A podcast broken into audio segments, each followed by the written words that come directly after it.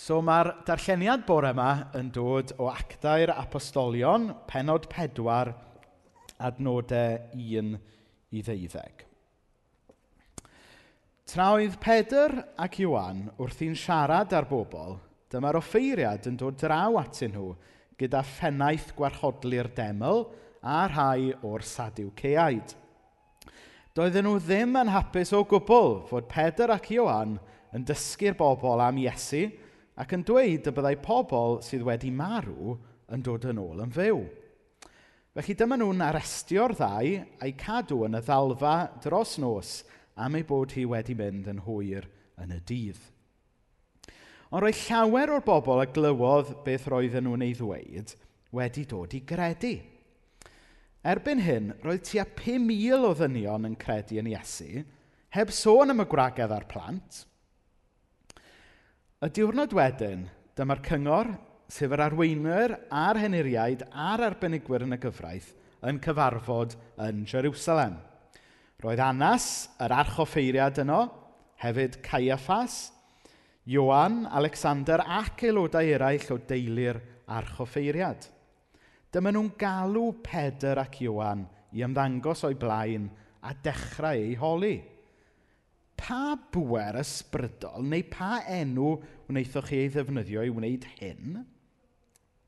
Cyfeirio manw gyda llaw at beth sy'n digwydd yn y benod flaenorol, lle mae Pedr ac Iwan wedi pregethu yn llawn ffydd a hyder, ond hefyd wedi iachau. E, Wel, Dyw sydd wedi iachau trwy i'w gweinidogaeth nhw. Felly mae'r awdurdod yn gofyn, pa bwer ysbrydol neu pa enw wnaethoch chi ddefnyddio i wneud hyn? Dyma Pedr wedi lenwi ar ysbryd glân yn ei hateb. Arweinwyr a heniriaid y genedl. Ydyn ni'n cael ein galw i gyfri yma heddiw am wneud tro da i ddyn oedd y methu cerdded? Os dych chi eisiau gwybod sut cafodd y dyn ei achau, dwedai wrthoch chi – Dwi am i bobl Israel i gyd wybod enw Iesu y Meseia o Nazareth sydd wedi achau'r dyn yma sy'n sefyll o'ch blaen chi. Yr Iesu wnaethoch chi ei groeshoelio, ond daeth dew ag e yn ôl yn fyw. Iesu ydy'r un mae'r ysgrifau sanctaidd yn dweud fel hyn amdano. Mae'r gareg wrthodwyd gynnwch chi'r adeiladwyr wedi cael ei gwneud yn gareg sylfaen. Fe ydy'r unig un sy'n achub. Does neb arall yn unman sy'n gallu achub pobl.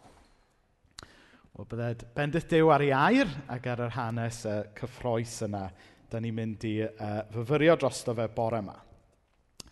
Nawr, mae yna hanes um, am rhyw esgob yn dweud unwaith, lle bynnag roedd yr apostolion yn mynd, roedd yna reiat Ond ble bynnag dwi'n mynd, mae yna baned o de. Ym mhenodau cyntaf acta, i ni'n clywed Pedr, Iohann a'r apostolion cyntaf yn cyhoeddi'r newyddion da am farwolaeth ag atgyfodiad Iesu. Ac yn benodol, i ni'n clywed fod y newyddion da yma y newyddion da i bawb. Nid just pobl capel, nid Just pobl, mae'n wythnos etholiad, nid just pobl sy'n foto i'r un plaid â chi, ond i bawb. I ni'n gweld grym yr atgyfodiad a pwer yr ysbryd glân mewn ffordd real iawn yn yr hanesion yma yn penodau cyntaf actau. I ni'n gweld gair Dyw yn cael ei byrgethu, yn cael ei gyhoeddi'n rymus, Ond da ni hefyd yn gweld e tangibly yn newid bywydau pobl. Wrth i bywydau pobl cael ei droi ben i weired, wrth i bobl dderbyn i achad, oedd pobl yn clywed a gweld yr efengil yn newid bywydau. Oedd yna adroddiadau am filoedd o bobl yn dod i gredu. Oedd y newyddion yma am Iesu Grist wedi marw a wedi atgyfodi yn newyddion da oedd yn newid bywydau unigolion a drwy hynny yn dechrau newid cymdeithas. A oedd hwn yn newyddion da. Oedd y newyddion oedd yn amlwg yn cael croeso gan bobl gyffredin yn Jerusalem a'r cilch. Felly pam oedd yna reiat yn dilyn yr apostolion bobman oedden nhw'n mynd. Pam oedd na bobl yn gwrthwynebu y neges yma reit o'r dechrau fan hyn? Wel, yn syml iawn, os oedd y newyddion da yma ynglyn â Iesu yn troi bywydau pobl rownd a trwy hynny yn troi cymdeithas Benny Weired, yna oedd y bobl oedd mewn lle o bwer a mewn lle o fraint yn y gymdeithas fel oedd hi, yn sydyn reit, yn nhw'n sefyll i gochi rhywbeth yn dod nhw. Felly, dyna lle mae'r gwrthwynebiad yn dechrau dod i'r efengil grisnogol. Pwy oedd yn gwrthwynebu? Wel, i ni'n gweld yn y benod yma fod yr awdurdodau rhyfeinig yn dechrau ofni, achos oedd y Cresnogion yma yn cyhoeddi mae Iesu oedd yr arglwydd. Ac yn implaid yn hynna oedd dweud mai nid Cesar yw yr arglwydd. Oedd yr awdurdodau iddewig yn dechrau poeni ac ni'n ni, ni cyfarfod rhai ohonyn nhw yn y cyngor yn Jerusalem yn, yn y benod yma. Yr, y pwerau crefyddol yn dechrau poeni. Achos oedd ganddyn nhw i system, mae dyma sy'n rhaid i chi wneud er mwyn dod at ddew, dyma sy'n rhaid i chi wneud i fod yn iawn gyda dew. Um, mae rhaid i chi fod yn deip arbennig sy'n cadw traddodiadau a defodau arbennig, ond nawr, oedd ers y Pentecost ymlaen, ond nhw'n coeddi bod hwn yn newyddion da i bawb o bell ac agos. Does dim rhaid i chi fynd i'r deml nawr, achos mae'r deml Iesu Grist wedi dod ato chi. Fe chi'n sydyn reit, mi oedd y bobl fawr, y bobl bwysig yn yr hen drefn, o'n nhw'n dechrau poeni y bydden nhw'n cochi i statws, y bydden nhw'n cochi i dylanwad nhw ar bobl yn Jerusalem a thu hwnt. Nawr yn Jerusalem ar y pryd, mi oedd e'n gymdeithas eitha hierarchaidd, mwy felly na'n cymdeithas ni heddiw hyd yn oed. Ac reit ar dop y, y social strata yn Jerusalem, mi oedd y Sadiwceaid. Ac um, a perthyn i'r Saduceaid oedd yr arch offeiriad a'i deulu. Oedden nhw'n rhyw fath o aristocrats uh, yn y gymdeithas iddewig ar y pryd. Mi oedden nhw yn dal pwer crefyddol yn amlwg, um, ond mi oedden nhw hefyd a lot o ddylanwad economaidd a gwleidyddol hefyd um, dros uh, y ddinas a dros y genedl. Ac felly, dyna pam oedden nhw yn poeni yn fwy na neb ynglyn â'r chwildro tawel yma oedd yn mynd mlaen. Ie, oedden nhw'n poeni am gochi i dylanwad crefyddol, ond oedden nhw hefyd, siwr o fod, yn poeni y bydden nhw'n cochi i lle breintiedig yn wleidyddol ac yn economaidd hefyd. Nawr, wrth i Pedr ac Iwan gyhoeddi, mae Iesu oedd yr arglwydd. Wrth iddyn nhw gyhoeddi, mae'r unig beth oedd angen oedd credu a troi at yr Iesu oedd wedi marw ac wedi atgyfodi, a derbyn rhodd yr ysbryd glân. Hynny yw, cael y cyswch personol yma gyda Dyw. Yn sydyn reit, oedd yr archoffeiriad a'i clan, o'n nhw'n cael eu torri allan o'r equation, doeddan? E? oedd eu pŵer nhw'n cael eu cymryd oddi wrthyn nhw. Nawr, o fe nôl at her yr esgob, lle bynnag roedd yr apostolion yn mynd roedd yna reiat, ond ble bynnag dwi'n mynd, mae yna baned o de. oedd y sylw yna gan yr esgob, mae yn heriol i'n chrysnogaeth ni heddiw hefyd yn dydy. Oherwydd y gwir amdani yw, yn llawer hi aml, a dwi'n deud hyn amdana fi fy hun cymaint ag unrhyw un arall, mae'n chrysnogaeth ni yn gallu edrych mwy fel crefydd y Sadwceaid na chwildro tawel Pedr ac Iwan.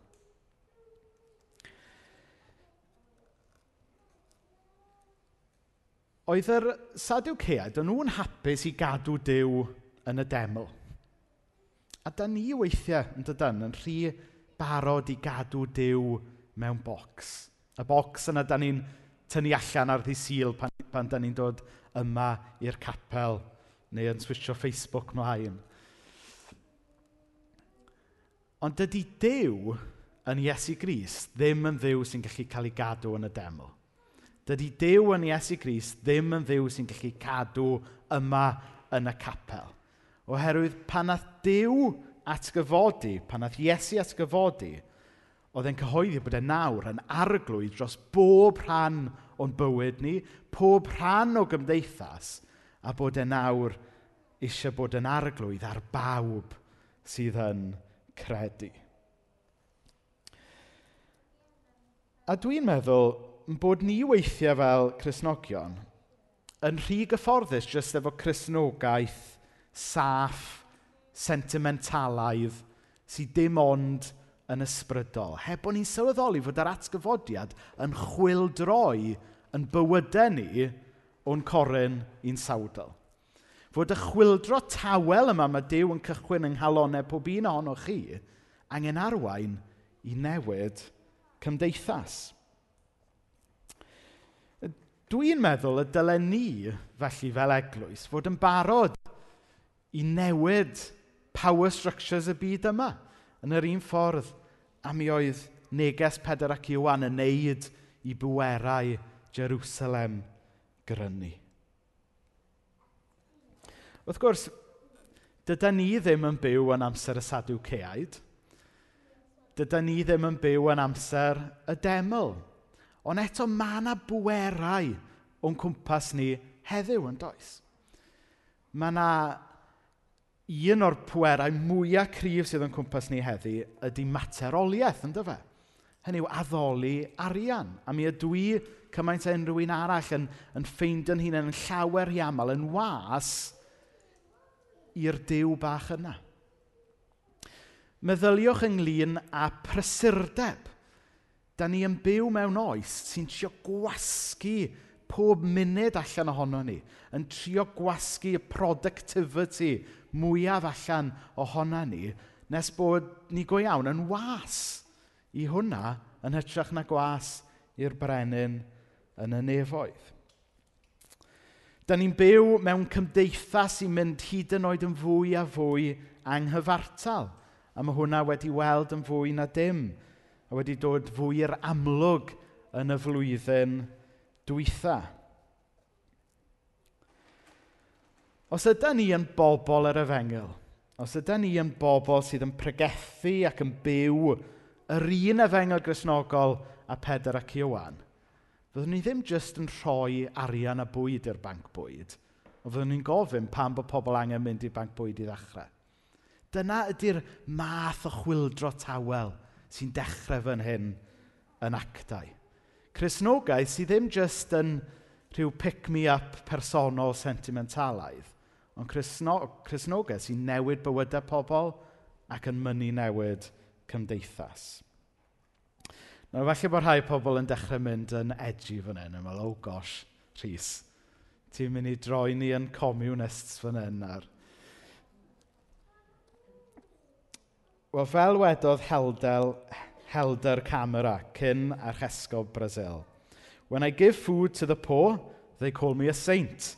When I ask why they are poor, they call me a communist. Nawr, dwi ddim yn meddwl y dylen ni herio power structures cymdeithas oherwydd bod ni'n farcswyr. Ta dwi ddim yn farcsydd, ond dylen ni wneud e ach o bod ni'n grisnogion. A dyna mae dew cyfiawn, dew cyfiawnder yn galw ni i wneud. Nawr, wythnos yma, um, nath na arweinydd uh, chrysnogol dylanwadol yr enw Rene Padilla farw. Nes rhywun wedi clywed am Rene Padilla. Pwy, pwy sy'n wedi? Na ni, o'n i'n meddwl bydde ti, Maci. ti wedi cyfarfod e? Na, mae'n ma ma siŵr oedd Dewi wedi. Yeah.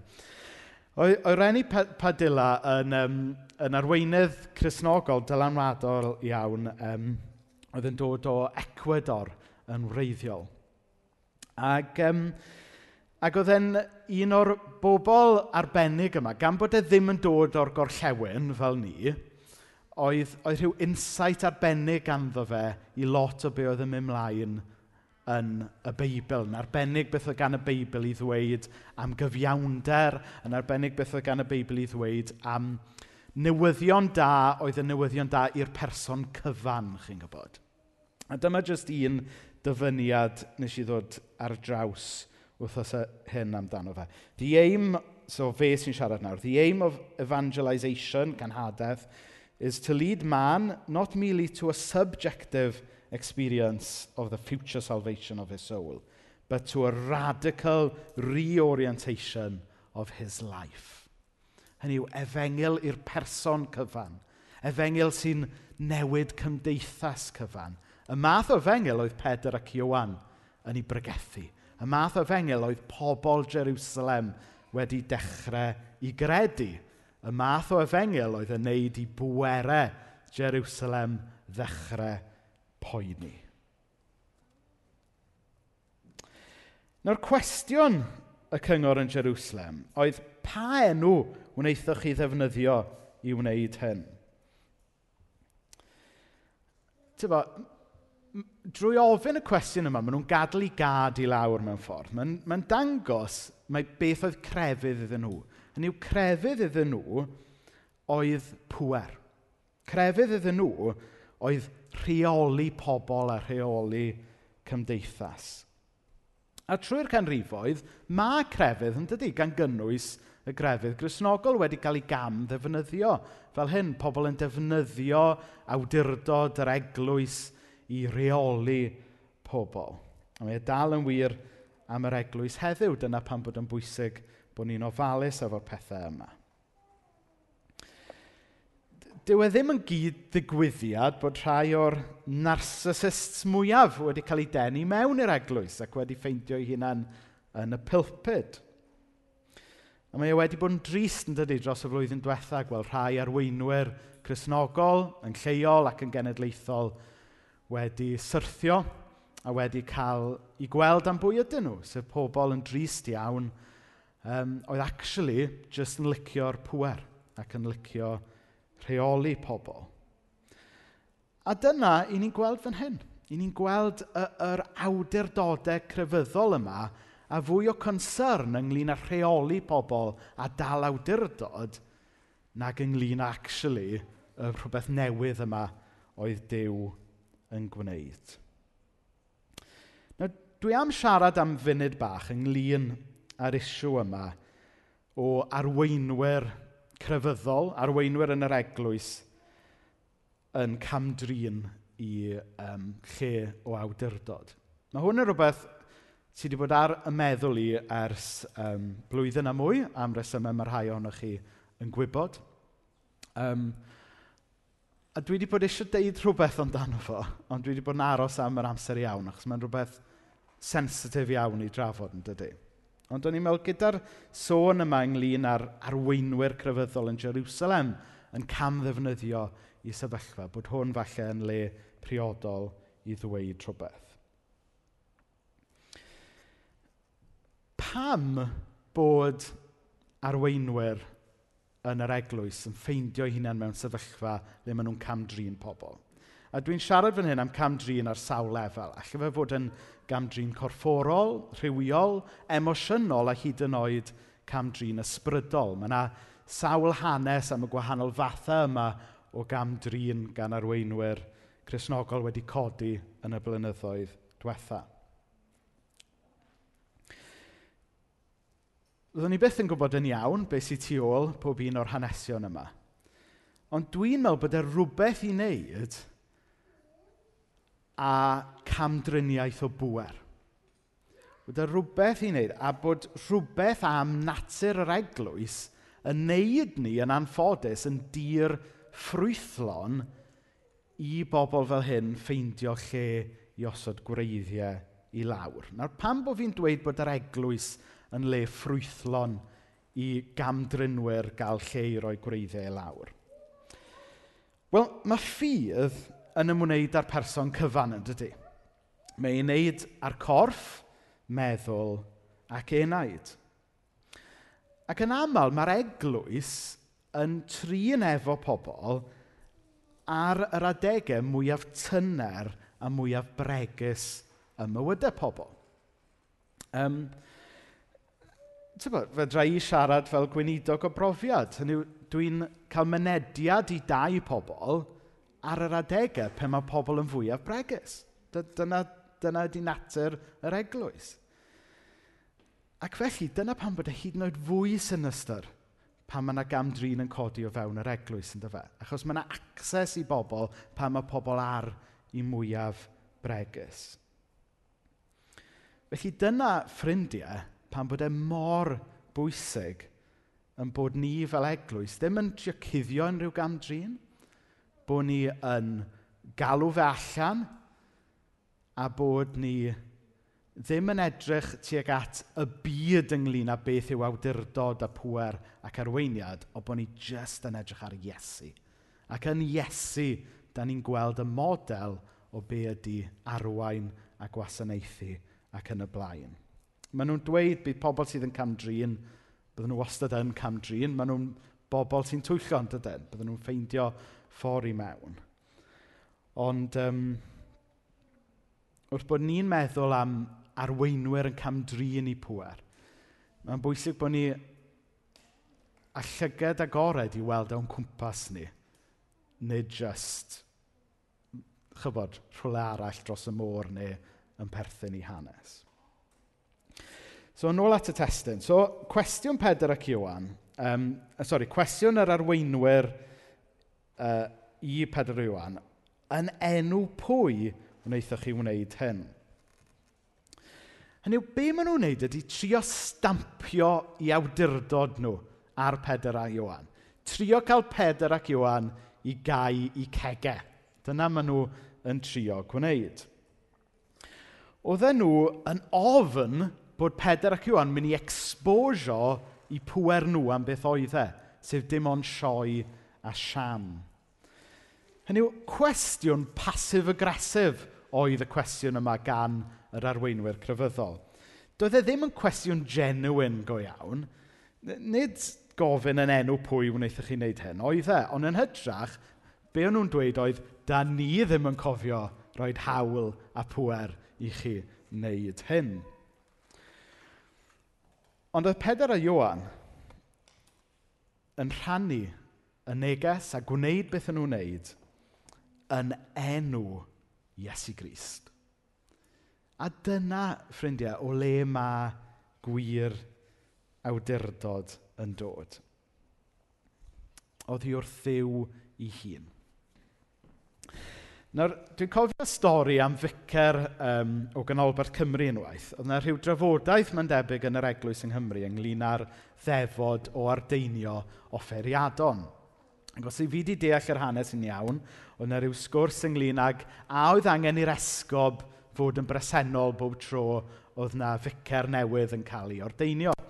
A, a nath yr offeiriad yma o Ganolfan Cymru godi ar ei draed, mae'n debyg, a, a dweud fel hyn. I was ordained by the Holy Spirit. The bishop just happened to be there. Ac, um, a mae'r stori yna yn, yn atgoffa ni beth sy'n mynd ymlaen fan hyn. Dyw sydd yn yn galw ni.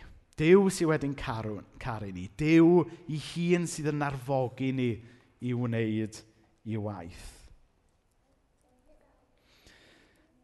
mae gwir awdurdod, mae gwir bwer ysbrydol, mae e'n rhywbeth sydd yn dod yn naturiol mewn i fywyd Cristion gan yn tad yn y nef.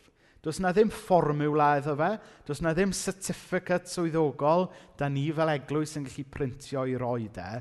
Mae e'n rhywbeth ynglyn a sy'n dod allan o'ch perthynas chi gyda eich tad yn y nef. Dydy gwir awdurdod ysbrydol, dwi e ddim angen ysyrtio ei hun, ond hytrach mae e'n dod yn naturiol drwy gael perthynas iach gyda ffynhonell yr awdurdod yna, sef Dyw ei hun. I ddeud y gwir, dwi'n meddwl mae pobl wan neu bwlis os hoffech chi, di'r unig bobl sy'n teimlo bod rhaid nhw asyrtio i awdurdod a'u pwer fel mae'r awdurdodau yn gwneud fan hyn. Felly bod hwnna'n wir, nid jyst yn yr eglwys, ond ynglyn â le da chi'n gweithio. Felly bod chi wedi dod ar draws personalities dros y blynyddoedd sy'n teimlo bod rhaid nhw asyrtio'u pwer arnoch chi. Wel, dod o'r ole, gwan mae'r angen i asyrtio pwer. Mae pwer naturiol yn dod allan o fod yn genuine, yn dod allan o fod yn eirwyr, ac yn dod allan o gael perthynas iach efo pobl. Dydy awdurdod a'n pwer ni ddim yn rhywbeth coercif, ond mae e'n rhywbeth sy'n dod allan o gariad Iesu tuag ato ni. Wedyn yn olaf bore yma cyn i ni droi at swper yr arglwydd, mae'r Peder a Iwan yn dweud wrth yr awdurdodau yma, fe ydy'r unig un sy'n achub. Does neb arall yn unman sy'n gallu achub pobl, neu yn yr hen gyfeithiad, ac nid oes iachawdwriaeth yn neb arall, o blegyd nid oes enw arall dan y nef wedi ei roi i'r ddynolrhyw, y mae'n rhaid i ni gael ein hachub drwyddo.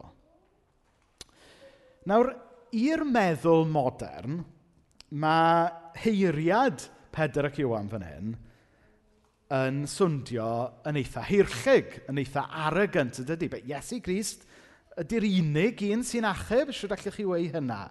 Falle, falle mae fe sy'n achub chi, ond chyfo, mae rhydd i bawb i farn a mae gwahanol ffordd o achub. So, dyna mae, mae pobl yn, yn credu heddiw. A, a mae'r statement yna felly yn swndio yn hirchig, yn cheeky, yn arrogant iawn. Mae'n swndio'n exclusif iawn, a mae'n swndio'n ddibris o bobl sydd yn credu yn wahanol. Ond fel wedodd uh, Tim Keller, arweinydd o America, the gospel is an exclusive truth, but it's the most inclusive, exclusive truth in the world. Achos, er bod Pedr ac Iwan yn dweud basically mae Iesu yw'r unig ffordd, fe ydy'r unig un sy'n achub. Ond mae'n bwysig i ni e- graffu'n fanylach beth yn union oedden nhw'n dweud. Oedden nhw'n dweud mae Iesu yw'r unig ffordd. Be, be maen nhw wedi dweud chydig benodau'n gynt? Fod yr unig ffordd yna nawr yn agored i bawb. I ddewon a groegiad, pobl o bell ac agos. A pwy maen nhw'n dweud yw'r ffordd? Wel, Iesu. Nid rhyw ddew sydd yn lordio hi dros bobl, ond dew sydd wedi dewis marw dros i elynion.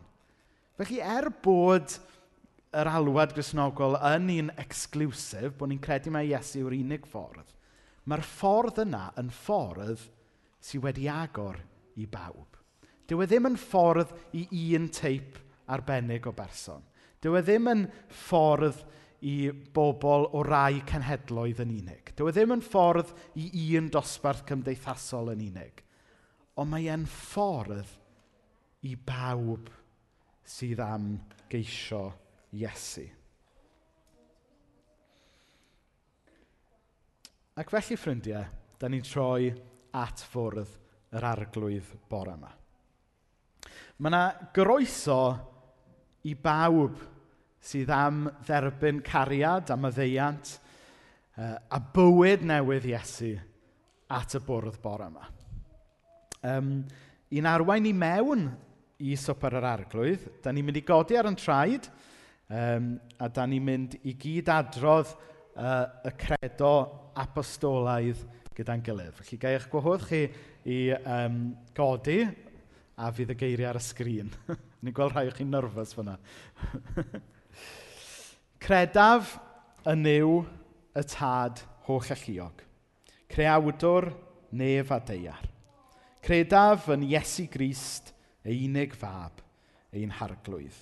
A gaid trwy nerth yr ysbryd glân, aned o fair forwen. Diodd efodd dan Pontius Peilat, fe'i croeshoeliwyd, bu farw ac fe'i claddwyd. Disgynodd at y meirw, at gyfododd y trydydd dydd, Esgynodd i'r nefoedd ac y mae'n eistedd ar ddeheulawr tad.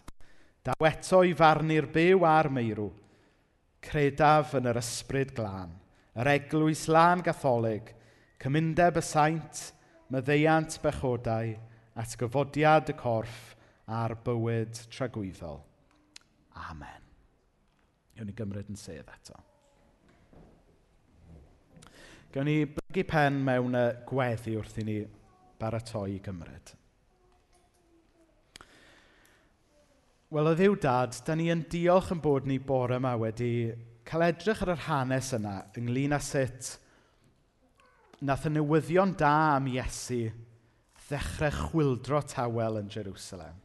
Chwildro oedd yn newid bywydau pobl o'r top i'r gweilod.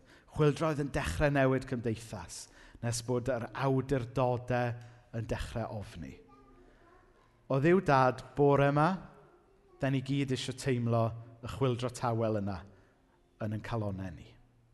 Da ni'n diolch o ddiw dad fod dy farwolaeth di ar y groes a dy atgyfodiad di yn golygu yn bod ni yn cael yn troi a'n gwneud yn greadigaethau newydd.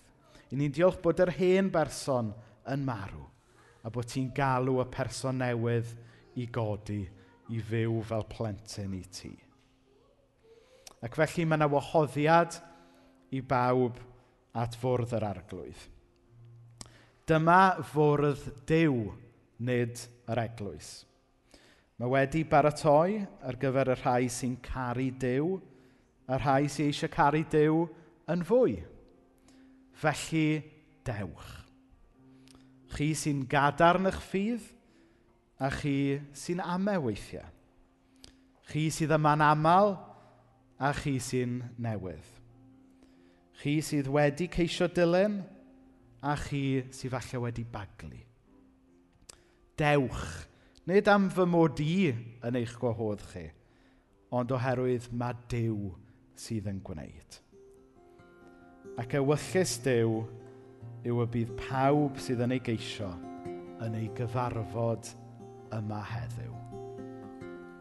Amen. Oed ti'n brifo di drallo ti fewn Wedi llethu gan bwysau dy fain Iesu yn galw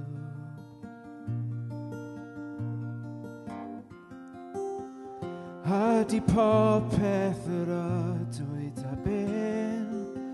Skinti sacher mavet ar frur ma Jesi en gal.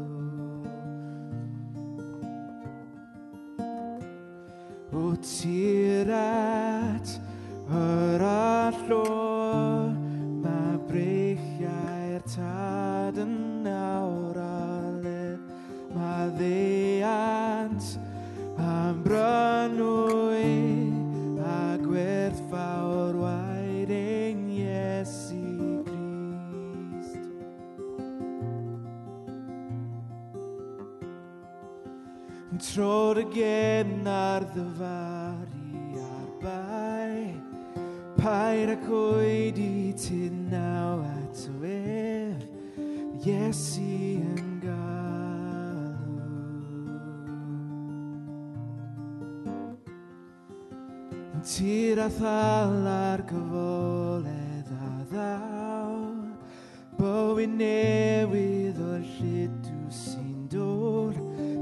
See.